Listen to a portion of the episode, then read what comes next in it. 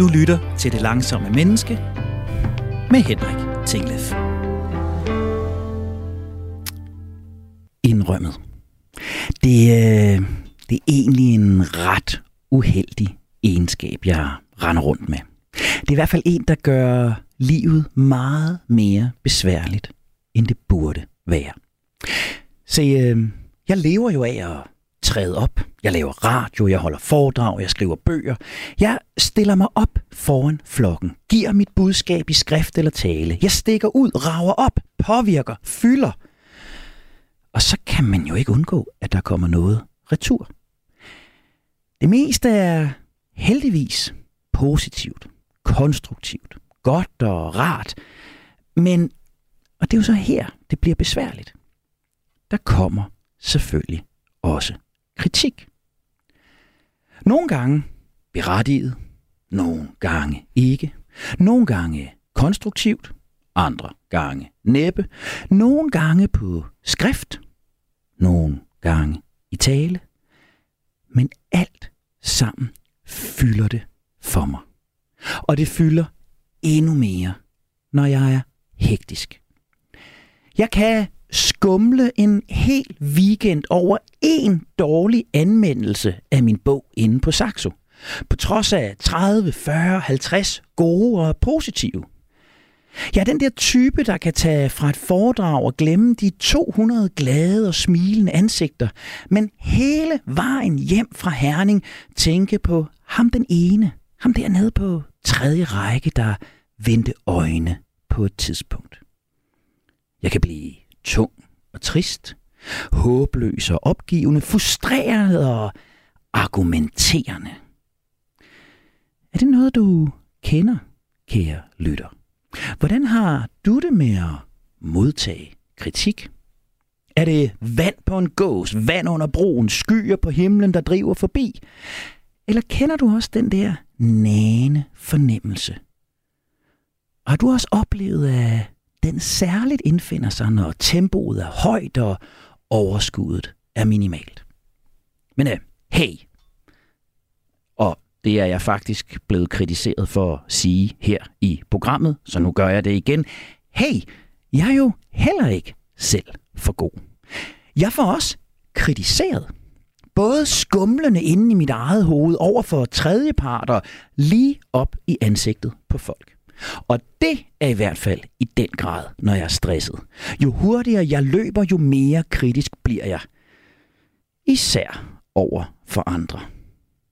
Vi bør da kunne give hinanden feedback. Både positiv og negativ. Vi bør da kunne evaluere, hvad der sker, uden at det ender i depression eller ender i aggression. Hvad nu, hvis vi gjorde det hele lidt bedre? Hvad nu, hvis vi rent faktisk gjorde det lidt langsommere? Jeg hedder Henrik Tinglef. Stationen her, den hedder Radio 4, og du lytter lige nu til Det Langsomme Menneske. Vi er programmet, der søger at sænke tempoet og øge kvaliteten i din og min hverdag. Dagens emne er kritik, flænsende feedback, taglige tilbagemeldinger, ondsindede udbrud. Sammen med dagens gæst, der forsøger jeg at kaste lys over, hvordan hænger kritik og hurtighed egentlig sammen? Kan jeg blive bedre til både at modtage og give kritik, hvis nu jeg bliver lidt langsommere? Hvad sker der, når kritikken den rykker online? Og hvordan har andre det egentlig med kritik? Se, uh, til at hjælpe mig med svarene på de spørgsmål, og helt sikkert mange flere, der har jeg lige nu med i studiet Maj Bjerre. Velkommen til mig. Tak, Henrik. Maj, du er foredragsholder, du er coach, du er rådgiver til erhvervslivet med speciale i netop feedback. Så er du også forfatter til bøgerne Gaven i kritik. Den vil jeg meget gerne finde. Og så en bog, der hedder Feedback. Så bliver du hørt. Og du skal i den grad høres i dag. Du skal høres omkring feedback og kritik. Og faste lyttere af programmet vil vide, at jeg har altid brug for at blive normaliseret i starten af sådan et program, når jeg står og krænger min sjæl ud. Så lad mig høre mig. Er alle lige så dårlige til at modtage kritik, som jeg er? Eller findes der nogle panserbasser derude, som bare kan tage det, som bare lader det drive af? Det er jo et godt spørgsmål, fordi det er jo svært for mig at tale for alle andre. Men øh, min erfaring er, at de fleste mennesker jo faktisk som udgangspunkt, da vi var små, var rigtig gode til det her med feedback. Og så hen ad vejen, der får vi tilegnet os nogle overbevisninger, nogle erfaringer, så gør det gør os lidt usikre. Så nogle mennesker har ikke taget de her overbevisninger om, som for eksempel kunne sige, jamen når folk taler negativt om det, jeg gør, så betyder det, at jeg ikke er god nok. Det kunne for eksempel være sådan en, en typisk overbevisning, rigtig mange mennesker går med, ikke? Jo, tak. Men der er jo mennesker derude, som måske har trænet sig til at lægge mindre vægt på det, der bliver sagt øh, fra nogle mennesker, fra andre mennesker, så man har forskellige strategier til at håndtere det, og nogle er rigtig gode til det, også fra naturens side, til bare at ryste på skuldrene og sige, nå ja, okay, så, så, så det er en af de få gange, det her mig, hvor jeg ikke bare bliver bekræftet i, at jeg er ganske normal. Faktisk står du og fortæller mig, at jeg tilhører en, en, en lille gruppe, eller i hvert fald en gruppe, som er måske noget mere nærtagende end som Nej, så. jeg vil faktisk sige, at du tilhører den helt almindelige gruppe, hvor øh, de fleste mennesker faktisk har en lille smule svært ved at håndtere kritik. Det. Jeg vil mere kalde det, det er den lille gruppe, der er rigtig god til at modtage så skal det nok blive en god udsendelse, det her. Og jeg vil også sige, at alle mennesker er faktisk gode til at modtage kritik på nogle tidspunkter. Ligeså vel som alle mennesker også er gode til at give god feedback på nogle tidspunkter. Bare ikke altid. Og det kunne jo få mig til at smide min hypotese på, på, på banen, som jeg ikke ved, om er, er søgt, men, men, men som jeg også siger i indledningen, så har jeg klart den her oplevelse af, at hvis jeg er lidt hektisk, hvis jeg er lidt travl, jamen så rammer kritikken mig langt hårdere. Jeg havde en, en oplevelse så sent som i går. Jeg skulle ud og holde foredrag. Jeg, jeg sad fast i trafikken. Jeg kom næsten en halv time for sent. Og, og der var en blandt publikum, som, som nakkede øh, lidt over det. Og jeg skulle, jeg skulle virkelig tage mig selv i nakken for ikke både at blive virkelig ked af det, og sådan begynde at argumentere. Jamen, jeg har jo gjort alt, hvad jeg kunne, og jeg har jo givet besked, og, og jeg prøvede at finde en alternativ vej og alt muligt andet. Og jeg kunne også mærke sådan en nagende trang til at køre vedkommende over i, i løbet af foredraget. Ikke sådan lige stille nogle nane spørgsmål eller et eller andet. Ved Gud ikke særlig sympatisk. Så, så er den der kritikhåndteringsevne, er der en kobling til, til hastighed, eller er det bare noget, jeg bilder mig ind? Jeg vil mene, der er en kobling. Altså, jeg vil mene, at øh, jo mere hektiske og jo mere, øh, man kan sige, i højt tempo, jo mindre nærværende bliver vi øh, som oftest. Og øh, jeg vil sige, kilden, eller en af, en af de, øh, kan man sige, redskaber i forhold til at blive rigtig god til at tage imod feedback eller kritik, det er at være nærværende med det, som man får, og ture se på det, og ture gå ind i det. Og øh, øh, egentlig så tror jeg, at det, der sker, når der er, at tingene går hurtigt, det er, at vores vaner tager over. Vores følelser øh, står foran, fordi det er dem, der ligesom reagerer hurtigt, automatreaktionerne. Så man når ikke lige at få øh, den der øh, gatekeeper, det bevidste sind til lige at sige, hov, stop lige en gang. Hvem er det lige, der siger det her? Hvad er det egentlig, de siger? Og øh, altså, skal du bruge det til noget? Men vi tager det ligesom bare med os. Ja. Og så bærer vi på det, i stedet for bare at ja, give slip på det igen. Ikke? Og det er jo interessant, fordi efter vi aftalte, at vi skulle lave det her program, så har, jeg, så har jeg selvfølgelig været lidt opmærksom på, hvad det er, der, der sker med mig. Og jeg tænker, jeg tror faktisk, at jeg gør det stik modsatte af det, du beskriver der. Når jeg er lidt hektisk, er lidt travlt, så tror jeg, at jeg trækker sådan et argument, der hedder, det har jeg ikke tid til at forholde mig til. Det er nok lige meget. Det betyder ikke noget lige nu. Og så koncentrerer jeg min opmærksomhed på alt muligt andet. Men det gør faktisk, at det bliver liggende mm. endnu mere Men, men i, mig. i virkeligheden, du tror, du gør det. Yeah. Men du gør det ikke rigtigt. Fordi det er lidt ligesom, du bare tager imod det, lægger det ned i skuffen, og så gemmer du på det. I stedet for at kigge ordentligt på det, og så sige, okay, kan jeg bruge det til noget? Og så lægge det, for du får det ikke rigtig lagt. Nej. Og det er faktisk det, der måske er den store øh, øh, forskel, øh, når, vi, når vi snakker om det. Jeg plejer at have sådan en, øh, en historie eller en analogi omkring kritik og øh, æbler. At Ja. ja. kritik kan være, altså når vi giver hinanden, og når vi modtager kritik, så er det lidt ligesom med æbler. Så hvis jeg gerne vil give dig noget tilbagemelding, så øh, kunne jeg måske godt finde på at bare sige det, uden at spørge dig, om du vil have det. Jeg kunne godt finde på at kaste det efter dig, du ved, når jeg lige ser dig på gangen. Øh, måske til et foredrag, du ved, du er på vej væk. Øh, jeg har lige noget, jeg gerne vil aflevere, så du ved, jeg smider et æble efter dig, ikke? Ja. hvis du kan følge mig i det. Ja. Som modtager, der er det lidt det samme. Nogle gange, når vi modtager kritik, så skal vi tage det ligesom, når folk kommer med et æble. Altså, du ved, ræk hånden ud og tage imod det og kigge på det, ikke? Ja. For hvis jeg nu vil give dig et æble, så siger jeg til dig, Henrik, Henrik, har du lyst til et æble?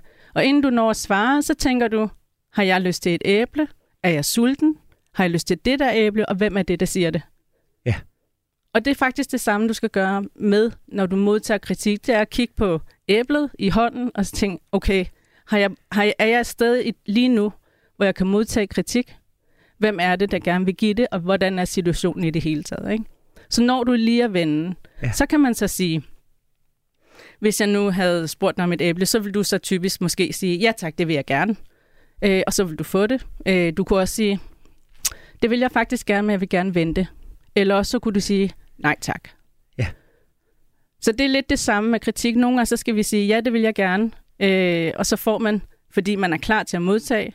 Eller også så kunne man sige, det vil jeg gerne, men jeg vil gerne have det på et andet tidspunkt. Lige nu er et dårligt tidspunkt for mig. Ja.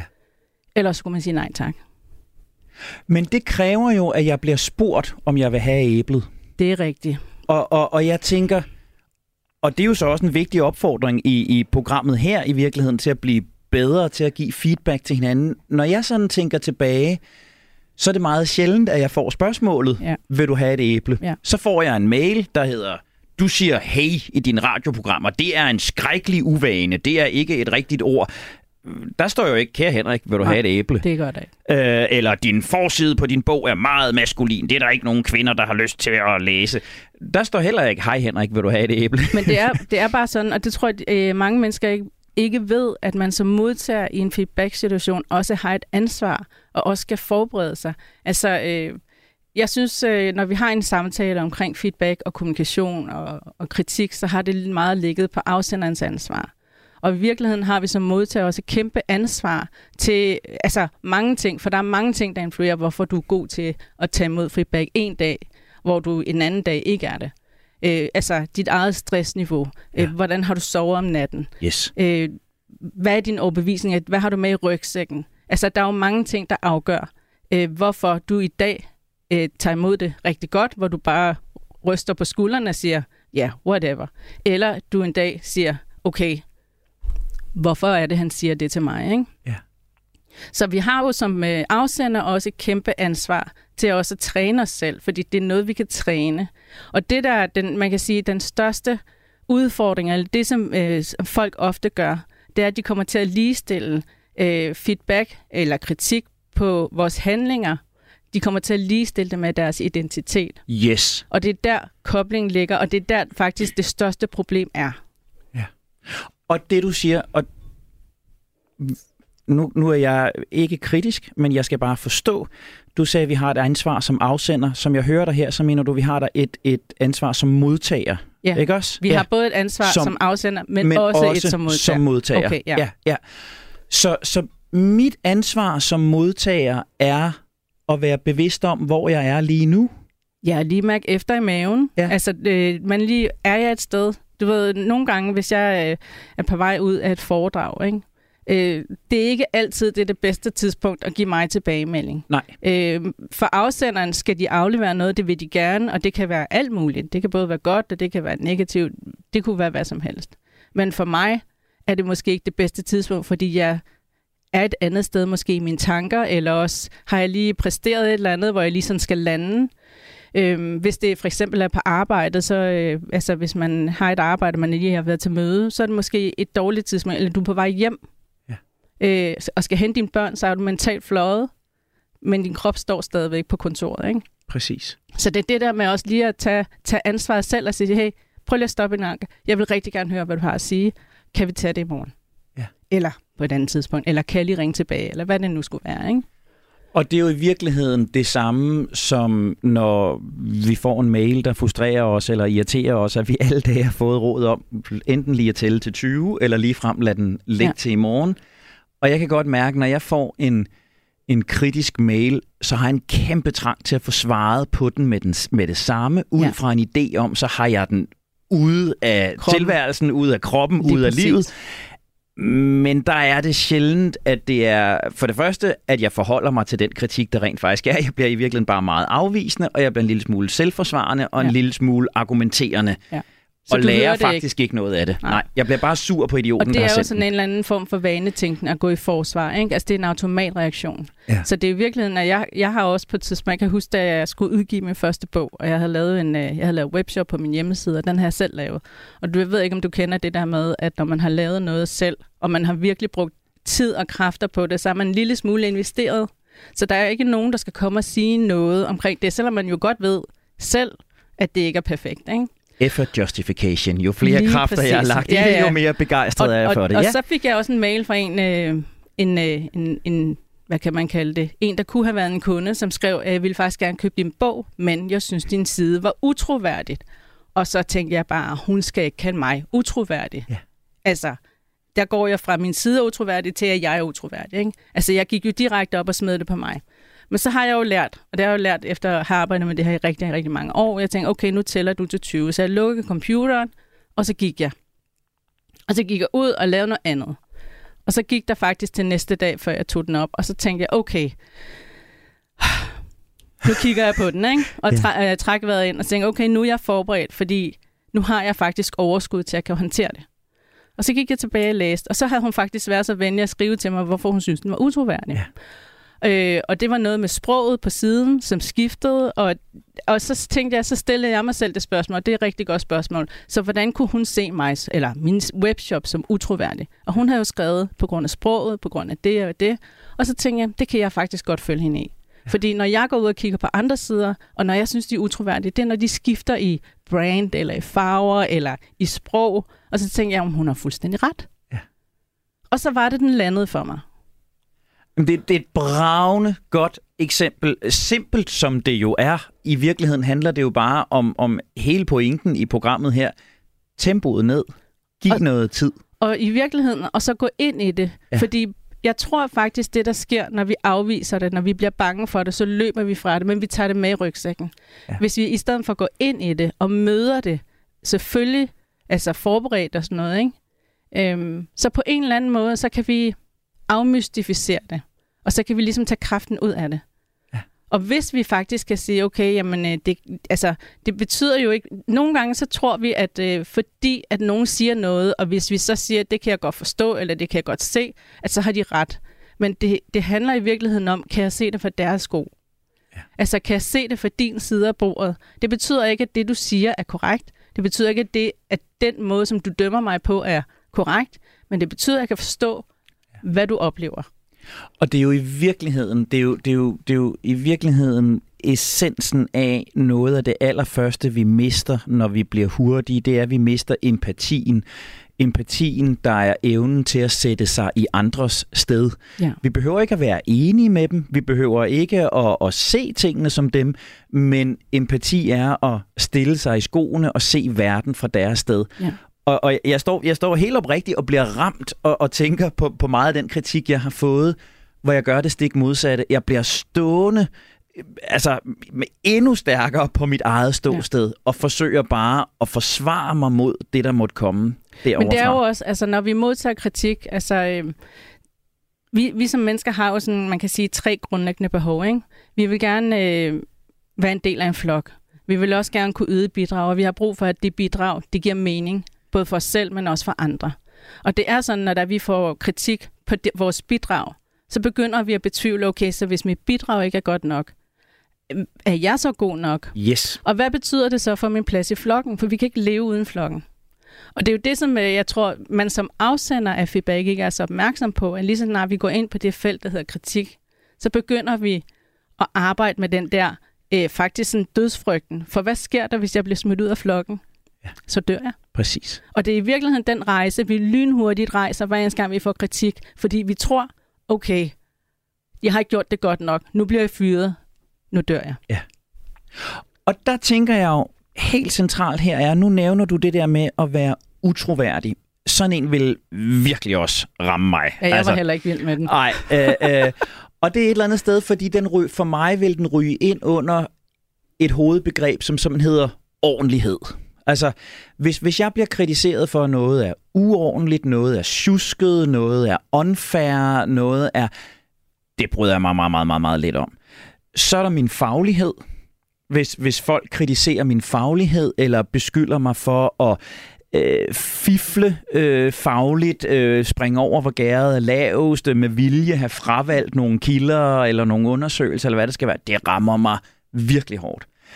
Men så er der også kritik, som jeg kan være fløjtende ligeglad med. Altså, så kan folk mene, at jeg har taget på, eller at jeg ikke har klædt mig så pænt, eller øh, at øh, jeg burde gøre mere ud af mine altankasser i min lejlighed, eller jeg fik skæld ud af, af, af ejerforeningens formand for nylig, fordi jeg tørrede tøj på, på altanen. Altså, det rørte mig en høstblomst. Øh, hvad er det, der gør, at vi ligesom på nogle områder virkelig bliver ramt, og på andre nærmest kan få samme besked, men, men vi kan børste os på tre sekunder. Ja, altså der, der er jo virkelig, virkelig mange ting, der influerer, så det er svært at sige, hvad er det en, en specifik, specifik ting, men vi har jo, altså ligesom jeg sagde før, vi, vi ligger jo forskelligt i forskellige ting. Altså vi har ejerskab på nogle ting omkring os selv, mere end vi har en andre. Og vi ligger vores identitet rigtig meget, for eksempel i vores arbejde. Ikke? Ja. Og det som vi, man kan sige, når nu vi når vi får kritik. Altså jeg plejer at sige, at kritik er sådan en, eller det er i virkeligheden feedback som, som helhed. Det er sådan sat sammen af, øh, nogen har observeret en adfærd, og så har de tolket den adfærd som et eller andet, og så sender de den afsted til os. Nogle gange med et ønske om, at vi gerne, de gerne vil have, at vi skal gøre noget anderledes, eller det kan også være, at de gerne vil have, at vi gør det fortsætter. Altså i virkeligheden, det her handler også om positiv feedback, ikke? Ja. Øhm, og det, der tit sker, det er, at vi glemmer at kigge på adfærden. Altså adfærden kan vi jo regulere, men så går man efter den subjektive holdning. Ja. Altså den tolkning. Øh, hun kunne have skrevet til mig, jeg kan se, at din, øh, øh, din side skifter side. Det er måske ikke hensigtsmæssigt. Øh, jeg kunne godt tolke det som utroværdigt, øh, bare så du ved det. Agtigt, ja. Og ja. det har faktisk gjort, at jeg ikke køber en bog. Ja. Øh, det ville have været en helt anden feedback til mig i stedet for at skrive til mig, jeg synes, du er utroværende. Men dit budskab er, og det synes jeg jo så er vigtigt, det er, at i stedet for bare at blive sur på hende over, at hun ikke har gjort sig den ulejlighed og gå totalt i forsvar, ja. så har vi faktisk også et ansvar som modtager af kritikken til at lave den oversættelse op i hovedet ved at sætte os i hendes sko og ja, sige... og man kunne for eksempel, altså havde, havde hun nu været her, så kunne, hun, så kunne jeg spørge den, okay, så hvad er det, du oplever som du tolker som utroværdig, eller som du ser som utroværdig. Altså, hvad er det for en adfærd? Hvad er det for en ting, jeg har gjort? Så når folk kommer for eksempel og siger, jeg synes, du er... Øh, mange folk vil måske være træt af, hvis man, der var nogen, der sagde til dem, jeg synes, du er uprofessionel. Så kunne man måske stille spørgsmålet, jamen, hvad er det, jeg gør, som du oplever som uprofessionel? Fordi så vil de sige for eksempel, jeg synes, du taler hurtigt, eller jeg synes, det er irriterende, du har powerpoints med, eller jeg synes, du taler for meget. Okay, det er jo en adfærd, den kan jeg regulere. Jeg kan ikke regulere utroværdigt, fordi det, det, det er sådan en stempel. Og problemer med stempler, det er, at vi sætter hinanden i kasser. Der er ikke nogen mennesker, der har lyst til at være en kasse. For der er ikke nogen mennesker, der er sådan hele tiden. Fordi selvfølgelig, jeg er da utroværdig. Jeg er da også uprofessionel. En gang imellem. Fordi jeg gør noget, der er det ja. uprofessionelt. Jeg gør da også noget, der er utroværdigt for nogle mennesker, når andre ser det. Men det betyder ikke, at jeg er det. Og det er det, der er problemet med, når vi ligesom giver hinanden de der stempler og vi også kommer til at stemple os selv. Hvis ikke andre mennesker laver den oversættelse, så gør man det jo selv, ikke? Jeg tænker, det er super lærerigt det her, og jeg, jeg, øh, jeg står og, og... Det er lige før, jeg begynder at kritisere mig selv, men heldigvis med, med, med, med et, et konstruktivt twist på. Jeg tænker, der er i hvert fald to ting, jeg skal være opmærksom på. Jeg har punkt et et ansvar for at sige til eller fra, om jeg ønsker det æble, der bliver ragt mig. Eventuelt give en mulighed for, at jeg kan få det æble på et andet tidspunkt. Jeg har også et ansvar for at sætte mig i afsenderens sko, og jeg synes, det du siger her til sidst er super, super vigtigt. I virkeligheden spørge til oplevelsen. Måske lige lade de umiddelbare begreber og udsagn lige ryge lidt til side, mm. og spørge ind til, hvad er det rent faktisk, du oplever? Hvad er det, der får dig til at have den oplevelse, i stedet ja. for straks at gå, og gå i forsvar. I forsvar. Det er konklusionen på øh, første halvleg af det langsomme menneske i dag. Nu skal vi til det, der handler om den helt virkelige verden. Det er blevet tid til nyhederne her på Radio 4. Du har ørerne i Radio 4. Programmet, du bruger lidt af din søndag på, er Det Langsomme Menneske. Mit navn er Henrik Tinglef, og sammen med foredragsholder, coach, rådgiver og forfatter Maj Bjerre, der er jeg ved at blive klogere på, hvorfor jeg er så ringe til at modtage kritik. Og inden vi taler videre med mig, så skal vi lige tale med hende, der rumler i baggrunden i øjeblikket. Det er en af mine dygtige kolleger. Og hvis ikke I fortæller hende det, så er hun faktisk et af mine radioidoler. Med på en linje hjemme fra stuen er lige nu Britt Berglund. Velkommen til, Britt. Tak, Henrik. Sikke en dejlig kritik at få. Jamen, øh, det, er jo, det er jo det, der er hele omdrejningspunktet i dag, og lige om lidt skal vi jo tale om, om, om alt det slam, du kan blive udsat for, så jeg tænkte, jeg måtte hellere bygge dig lidt op fra starten. Øhm, og, øh, og, og, og det her er jo også en, en cirkel, der sluttes, Britt. Jeg startede jo min radiokarriere med at være gæst hos dig, og nu er vi efter 6-8 år nået mm-hmm. til, at du er gæst hos mig. Så det er jo et smukt øjeblik, vi, øh, vi har i øjeblikket. Men Britt, du, du er øh, mega erfaren live radio vært. Du har prøvet at sende hundredvis af timer med sms'en åben og mailen åben, hvor det er væltet ind med millioner af sms'er og mails og mere eller mindre velkommen og uopfordret feedback. Hvordan er det, Britt? Hvordan har du det med at modtage den der kritik undervejs i en præstation?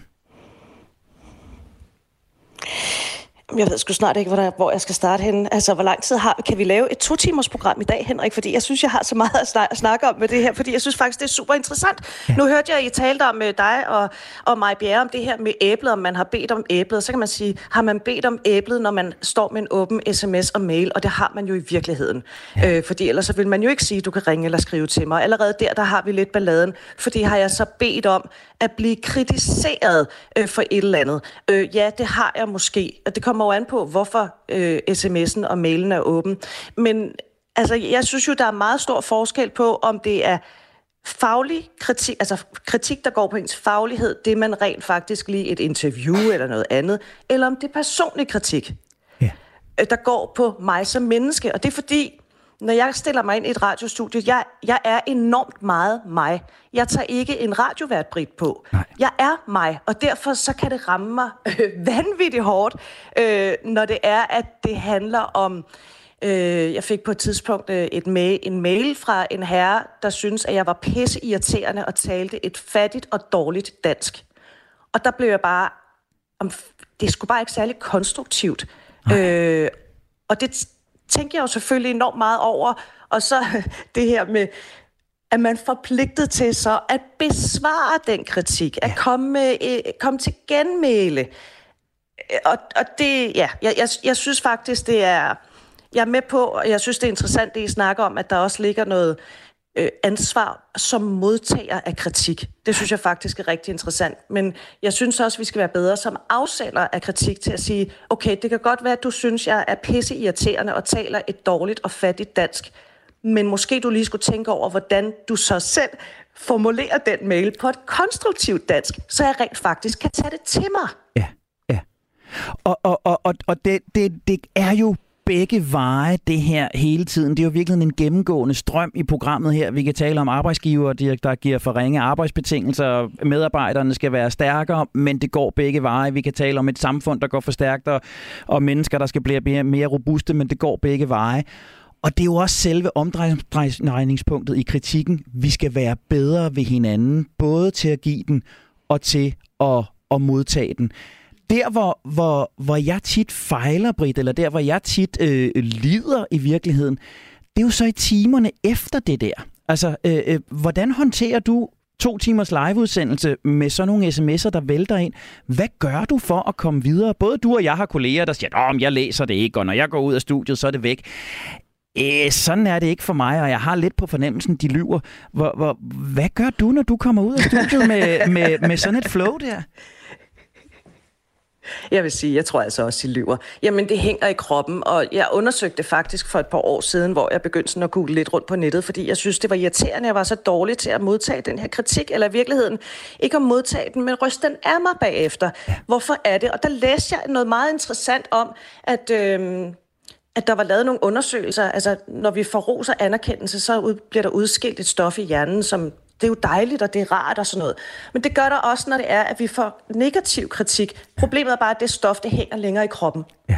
Øh, og det gav enormt meget mening for mig, hvis det er sandheden. Fordi det hænger også i min krop. Og nogle gange, så kan jeg simpelthen ikke komme af med det. Jeg kan gå med det i flere dage, hvor jeg ligesom går og pisker mig selv med den der nihalet. Ikke? Hvor, og det er jo heller ikke særlig konstruktivt, fordi så tænker jeg, om jeg er fandme også bare dårlig til mit arbejde. Og hvad, måske jeg bare skulle få et job et eller andet andet sted, hvor der ikke er nogen, der kan se mig og høre mig og bla bla bla bla. Ikke?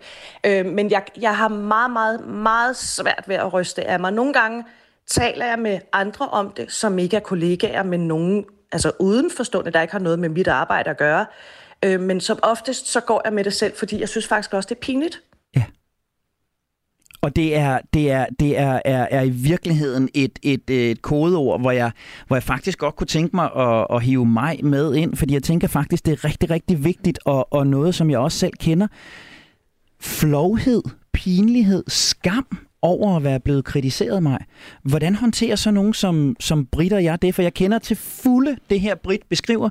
Det bliver hængende, og jeg går faktisk og skammer mig over det. Jeg har også tænkt på, om jeg turde tage det her emne op øh, i dag, om der så vil være nogen, der vil sige, nej, det kender jeg ikke noget ved. Hvordan, hvordan håndterer Brit og jeg den der skam over at være blevet kritiseret? Altså, det, det, for lige at vende til at gå et skridt tilbage, så hænger det jo rigtig sammen, meget sammen med de der tre grundlæggende behov, vi snakkede om tidligere. Ikke? At når vi bliver kritiseret, så bliver vi jo, altså så er der jo tvivl om vores status i flokken. Det er jo i virkeligheden det, der sker. Ikke? Og hvis ikke vi er gode nok til flokken, det er jo, det er jo skamfuldt ikke at være god nok. Og jeg kan, altså, hvis man skal snakke om, hvordan skal jeg kunne håndtere det? Altså, min erfaring er, at jo mere man kan eje af alle de her ord, altså uprofessionel, øh, irriterende eller dårligt til det ene og det andet. Altså jo mere vi kan sige, det kan jeg godt se, at det er sådan, de kan opleve det. Jeg, sådan kan jeg godt opleves af nogle mennesker nogle gange. Jo mere vi kan eje det, jo mindre kan det ryste os. Så jo mindre føler vi os angrebet.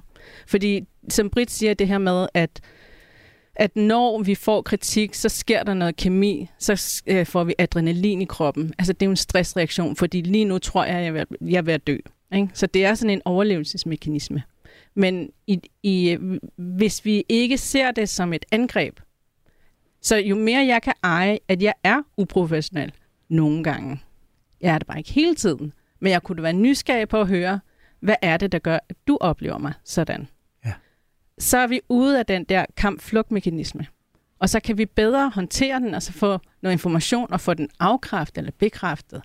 Øh, og så kan man sige, okay, jeg kan godt se, at du kan opleve det, eller opleve mig sådan. Det betyder ikke, at jeg er det, men jeg kan godt se det fra dit synspunkt. Igen, det er den der at sætte sig i den anden sted. Men vi er, når vi øh, bliver ramt, så er vi alt for bange til at hoppe over i de andre sko. Og så forhindrer det os faktisk til at kan have det godt med det.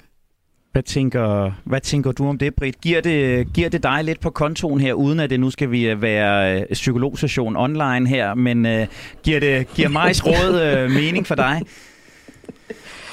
Ja, både og. Altså, øh, og, men det, og det siger måske også enormt meget som, eller om mig som menneske. Det kunne du, Henrik, som psykolog sikkert få meget interessant ud af.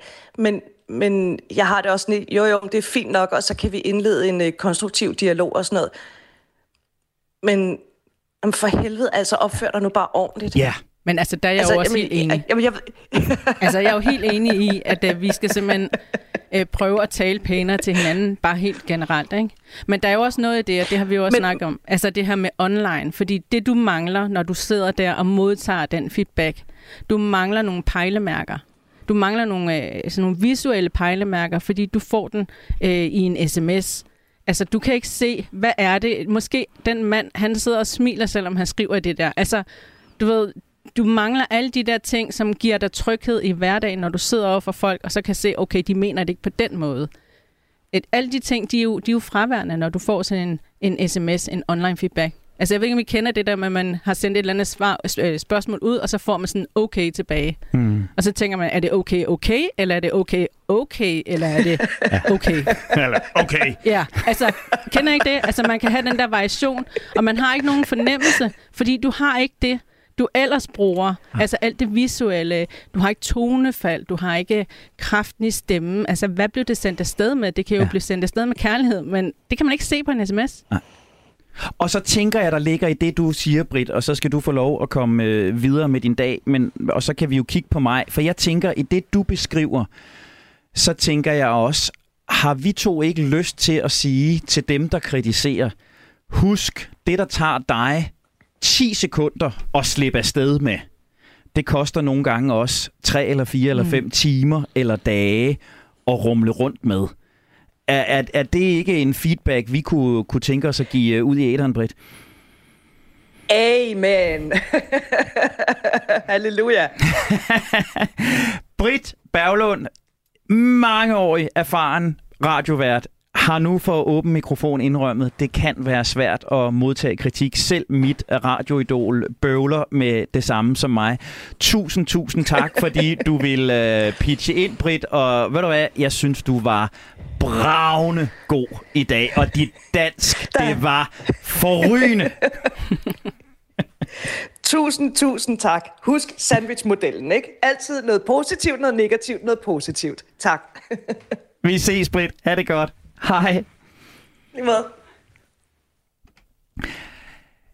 Så jeg tænker jo mig, at der er noget i det her, som vi er inde i med online-delen, eller den hurtige øh, feedback, som, som er svær. For jeg tænker i virkeligheden, det er det her, som vi er rigtig mange, der døjer med. Jeg oplevede det også, da jeg udgav en bog for nylig, så fik jeg alle mulige, i alle mine forskellige indbakker, Messenger, LinkedIn og Facebook og whatever, bare sådan nogle, jeg synes, du gør det for forenklet, du mangler at have det og det med. Mm. Og det kunne ligge i mig i en hel dag. Og jeg undrede mig egentlig over det, fordi det var jo mennesker, som jeg ikke anede, hvem var. Det var mennesker, som ikke betød det mindste for mig i mit liv. Det var mennesker, som jeg aldrig nogensinde kom til at, at møde. Hvorfor fylder det der online feedback, online kritik så meget i os? Altså, nu kunne jeg jo være rigtig... Det er måske ikke den fed, det fedeste svar, men nogle gange så tror jeg også, at når vi får noget kritik, som måske hænger ved, så er det måske også... øh, Du ved, vi er jo virkelig selvkritiske.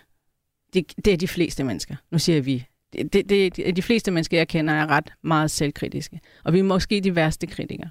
Og nogle gange, når vi får en kritik, så kan de måske godt nage til den der selvkritik, som, okay, når de siger det, så er det jo rigtigt. Og så kan man godt have svært ved at lægge det fra sig. Ja. Jeg siger ikke, at det er det eneste, men det kunne også være en af grundene. Og, og, og igen, det vender tilbage til det her med, hvis du kan virkelig eje, men prøv at høre, jeg er jo også sådan der en gang imellem. Øh, Men okay. Det synes jeg jo, altså, øh, nu, det synes jeg jo ikke, jeg er. Og det kan godt være, at jeg overvurderer mig selv. Mm. Øh, øh, øh, jeg kender også Brit øh, rigtig, rigtig godt og gennem mange år. Og, og hverken Brit eller jeg kunne skulle finde på at sende en besked til et Nej. menneske, vi ikke kendte, der hed, jeg synes, du har et fattigt og dårligt dansk, eller sende en besked til et menneske, der har lavet et stykke fagligt arbejde, og sige, jeg synes, du behandler kilderne uanstændigt. Så jeg kunne faktisk ikke se mig selv gøre det samme. Jeg kunne ikke se mig selv gå ind i Mette Frederiksens øh, kommentarspor og skrive øh, øh, latterlige lille dulle, eller, eller hvad det nu er. Men jeg bliver jo selv ramt af det. ja. Men, Nogle det, gange. men når jeg siger, at du skal sætte dig i deres sted, betyder det ikke, at man skal sidde og tænke, kunne jeg have gjort det? Fordi det er ikke det, det handler om. Men det handler bare om, ud fra det, som de oplever, ud fra det, som de har med i deres bagage, så er det, så er det sådan, de tolker det.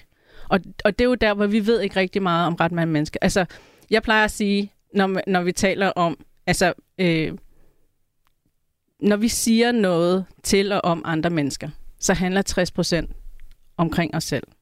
Så i virkeligheden så siger det rigtig meget om den anden person. Det siger meget om, hvad den anden person tænker, hvad den anden person øh, lever med, har med i rygsækken og i bagagen. Så, så det skal man også bare tage med sig og huske, når man får en masse feedback. Og jeg tænker, det som du oplever, eller det som jeg oplever, det er jo fordi, det, det rammer jeg jo helt vildt, fordi det ligger så meget imod på det. Jeg tænker, I har meget, meget forskellige værdier. Ikke? Øh, ordentlighed, øh, troværdighed, respektfuldhed over for hinanden og sådan noget. Ikke? Øh, og, og det rammer os bare. Værdier er noget, der betyder rigtig meget for os. Vores identitet er noget, der betyder rigtig meget for os.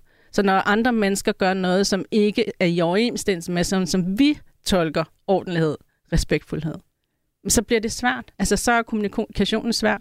Ja. Så, altså, men det er jo bare, at det er jo ja, virkelig svært at give et entydigt svar på det, ikke? Jo. Hvor, og, og, og, og det kan så være det, jeg forsøger at, at afkræve dig nu alligevel. Men, men jeg, jeg står med sådan en lyst til at spørge dig, hvornår er det i orden virkelig at sige fra? Altså fordi, jeg kan sagtens følge dig i empatien, jeg kan følge dig i at sætte i andre folks sted, forstå det fra deres synspunkt. Men, men jeg har også den der oplevelse af, jamen, jeg kan vel ikke altid være den overskudsagtige øh, øh, munk i send, der, der formår at hæve mig op på et højere niveau og se det fra begge sider og få det konstruktive ud af det. Der er vel også nogle steder, hvor vi skal, skal sætte en hegnspæl og sige, den her feedback vil jeg simpelthen ikke finde mig i. Den her kritik synes jeg er fuldstændig øh, uberettiget. Det har jeg simpelthen ikke lyst til at høre øh, mere på. Men det, det har man da altid ret til. Altså, jeg tænker, man har altid ret til at sige nej tak. Øh, men jeg tænker, hvis nu man gerne, altså, og det har jo ikke noget med at være et ordentligt menneske at gøre, fordi man svarer jo også ud for den tilstand, man selv er i, øh, den dagsform, man har, det man selv har med i bagagen. Og man er jo ikke et dårligt menneske, fordi man ikke kan sidde der og være Buddha og tage imod feedback, øh, uanset hvad det er. Så jeg, altså, nu har jeg arbejdet med det her 20 år, sådan er jeg heller ikke. Øh, så, så det er jo ikke, altså jeg tænker ikke, målet skal ikke være, at vi bare kan tage imod, altså den der, du ved, bare vende den anden kendt til. Det, det, det, det er ikke det, jeg taler om. Nej. Men det handler bare om, at hvis vi skal få ro med os selv, fordi stressen ligger kun i din krop, den ligger jo ikke i afsenderens nødvendigvis. Nej. Så hvis du skal tage ansvar for dig selv og være kærlig over for dig selv, så skal du lære at lægge den. Og det gør du bare ved ligesom, at tage ordentligt kig på den. Men derfor skal du altid sige fra og sige, prøv at høre, du må gerne tale pænt til mig, eller ved du hvad, jeg er ikke enig. Altså det... man kan jo sagtens sige, prøv at høre, det giver simpelthen ikke mening for mig, jeg er simpelthen ikke enig, og at, at du er også velkommen til at have din mening. Men, men der er bare forskel på at gøre det i forsvar, ja. og gøre det for at sætte en grænse. Det er rigtigt. Og det lyder som om, og det kan godt være, at, øh, at, at, at øh, lytterne har fanget det her langt før mig, men, men det er som om, at der går en pros op for mig lige nu, der hedder, der er i virkeligheden to dialoger i det her. Der, der er den dialog, jeg har med kritikeren, som både kan, kan, kan være en, en aktiv dialog med vedkommende. Hvor er det, du ser det? Hvordan er det, du oplever det sådan? Hvad er det, det her det betyder for dig? Men jeg har faktisk også lov til at stoppe den dialog, ikke at modtage det æble. Mm. Jeg har også lov at stoppe den, hvad skal man kalde det, om ikke aggressivt, så i hvert fald selvtillidsbetonet, og sige, det er ganske enkelt ikke enig i, jeg ønsker faktisk ikke at høre mere. Men uanset hvad jeg gør, så skal den første del af dialogen fortsætte i mit eget hoved. Hvor var det vedkommende kom fra? Hvordan var det vedkommende kunne øh, få den opfattelse? Hvordan kunne vedkommende ja. få den oplevelse? For at jeg kan lægge det fra mig. Præcis. For hvis jeg sidder i bilen hjem og bare holder fast i min min hegnspæl. Ja. Det vil jeg ikke høre om. Så det er ikke du noget forsvar, af. og i di, det er i dit forsvar, du har problemet. Det er ja. der, i dine følelser ligger. Ja. Så det er for at kan give dig selv altså, øh, den ro, så er det, du er nødt til at tage den der og sige, okay, Altså ligesom du ved, når der er en, du møder, der er en, der overhaler dig på cykelstien, og der råber idiot, ikke? Og så tænker man, okay, jeg gjorde ikke noget, men okay, de, set for deres, du kørte, du kørte der, lige der, hvor de skulle have kørt, og det synes de var irriterende. Det kan jeg godt se og så kan du lægge den. Altså, det, det er ja. ikke sådan, fordi du skal du ved, over og så sige, ja, men alt er godt, og de, de er bare, som de skal være. Sådan er det ikke. Men det er mere det der med, det, det er dit eget ansvar at tage vare på dig selv. Det giver god mening. Så når, og jeg siger ikke, det er let. Øh, det, øh, det er jeg 100% overbevist om, at, øh, at det ikke er. Men, men jeg tænker, der er, en, der, er en, der er en god tråd i det her i at sige, at når, når Anders, producer Anders, efter udsendelsen øh, kritiserer mig for øh, mit øh, oplæg eller mit nedlæg til, øh, til nyhederne, så er jeg villig til, at, eller jeg har lov til at sige, ved du hvad Anders, det skal du ikke blande dig i, det gør jeg på min måde, men jeg skal på vej ned ad trappen for studiet tænke over, hvordan var det, han var kommet dertil? Ja. Hvordan kunne det være, at han havde fået den oplevelse? Og så kan jeg derefter lægge den fra mig. Ja, og så kunne det jo være næste dag, du kom og så tænkte, kan vide, om han havde nogle gode tips. Og så kunne man tage den op og så sige, prøv at høre, i går var bare et dårligt tidspunkt. Hvad har du egentlig at tilbage med? Altså, det kunne jo godt være, at man kom dertil, ikke? Men det er også det der med, nogle tidspunkter er bedre end andre. Øh, vi ved jo i dag, at altså, fra forskning, at, at uh, tidligere på dagen er et bedre tidspunkt end sidst på dagen. Vi har mere overskud tidligere på dagen end sidst på dagen. Så for eksempel, øh, hvis man skal læse, og hvis man ved, at man har nogle, nogle kritiske ting, man skal læse, eller man har noget, man skal tage imod, så er det bare smartere at lægge det tidligere på dagen, end det er sidst på dagen. Så Anders, øh, næste gang du skal give mig øh, konstruktivt feedback, så, så ringer du bare klokken 7 om morgenen, og så, så tager vi den der. Men jeg har jo haft en samtale med for eksempel mange ledere, fordi de har de her kritiske samtaler om eftermiddagen ja. Ja. med medarbejderen. Øh, og det gør de jo i hensyn til, at så kan medarbejderen gå hjem bagefter. Ja. Og det er jo også øh, et rigtig fint hensyn. Men hvad hvis øh, medarbejderen og deres eget overskud er lavt? Ja. Er det så det bedste tidspunkt? Eller skulle man gøre det tidligere, og så indberegne, at medarbejderen går hjem alligevel? Ja. Altså det, det er sådan lidt... Øh, der er bare nogle ting, som i vores menneskelige psykologi, og du ved, hvordan vi fungerer, som måske kan modarbejde lidt det, som... Altså, vi har nogle hensyntagen, men det er bare ikke altid, altså, at de virker på den måde. Og nu gør jeg det, som min ene faglighed øh, kæmper lidt med, min psykologfaglighed, men som min anden faglighed, min radioværdighed, faglighed elsker, det er at sige til dig, mig, vi har en 3-4 minutter tilbage sammen. Hvis du skulle give alle de lyttere, der sidder og lytter med nu, og som døjer med de samme ting som mig, både at modtage feedbacken en gang imellem, men også det samme som mig at blive overagtigt kritisk øh, over for andre. Hvad er så de der faktaboksen i artiklen, du ved? Hvad er de tre gode råd til, at vi bliver bedre til at feedbacke hinanden? Hvordan bliver vi sammen bedre til at give hinanden konstruktive tilbagemeldinger, i stedet for at det bliver kritik og forsvar, angreb og flugt? Altså først og fremmest, så synes jeg, at når man skal give en tilbagemelding, så er man nødt til at tænke sig om. Men jeg plejer at sige, at hvis, man skal gøre, øh, hvis det er vigtigt, så skal man gøre det godt. Så du er nødt til at gøre op med dig selv, hvad er det, du gerne vil have ud af den tilbagemelding, du giver. Hvad er, det, hvad er det, du ser resultatet skal være? Skal det være en fortsat dialog? Er det lige meget med dialog? Hvad er det, du gerne vil have ud af det? Fordi det afgør 100% hvordan din samtale kommer til at fungere efterfølgende. Det er der mange, der glemmer på nettet. Det er der rigtig mange, der glemmer på nettet, fordi de har ikke noget formål med det, de siger. De skriver bare, fordi de skal have afløb for deres følelser. Ja. Den anden ting er jo også, at det kunne være rigtig fint, altså ligesom i eksemplet med æblet, at man lige sikrer sig, at modtageren kan modtage. Fordi hvis vi har et budskab, og vi synes, det er vigtigt, så skal vi være sikre på, at kanalen er åben. Og der er rigtig mange ting, vi selv gør, som ligesom lukker kanalen. Så den her dialog, og ligesom jeg plejer at sige, at man kan aktivere modtageren. Sørg for, at modtageren ligesom er i samarbejde. Øh, har du lyst til at høre mit feedback? Det ved jeg godt, at man ikke altid spørger om. Men det gør, hvis, hvis modtageren siger nej, og du så alligevel giver din feedback, de hører ikke rigtigt, hvad du siger alligevel. Nej, så nej. på en eller anden måde er det spildkræfter. Så den der med at få den her forbindelse. Vil du have et æble? Ja. Og ja. så synes jeg, at man, hvis man skal give noget tilbagemelding, skal fortælle folk, hvad de skal gøre, eller hvad vi gerne vil have dem til, frem for hvad de ikke skal gøre. Altså vores hjerner fungerer lidt ligesom Google. Hvis du skriver på Google, jeg vil ikke have lyserøde elefanter, hvad får man så?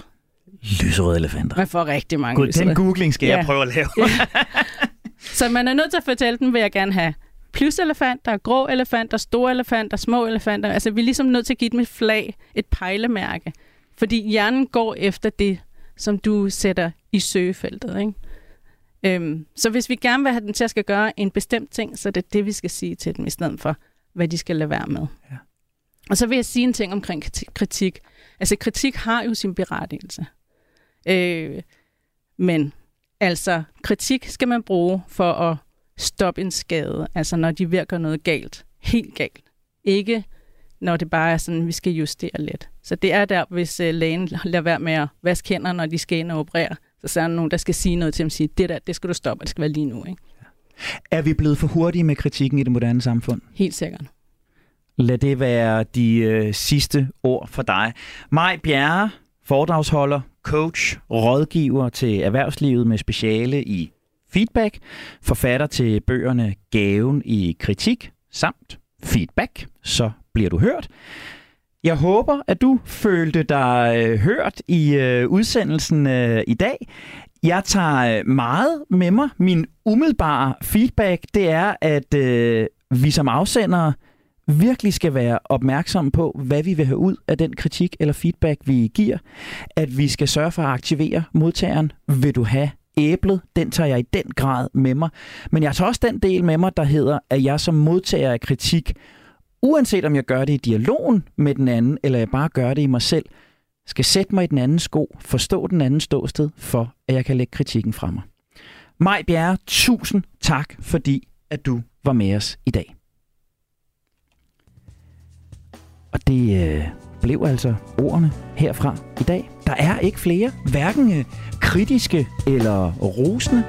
Husk, at du altid kan genlytte Det Langsomme Menneske i Radio 4-appen. Det er også der, du finder alle Radio 4's andre gode programmer.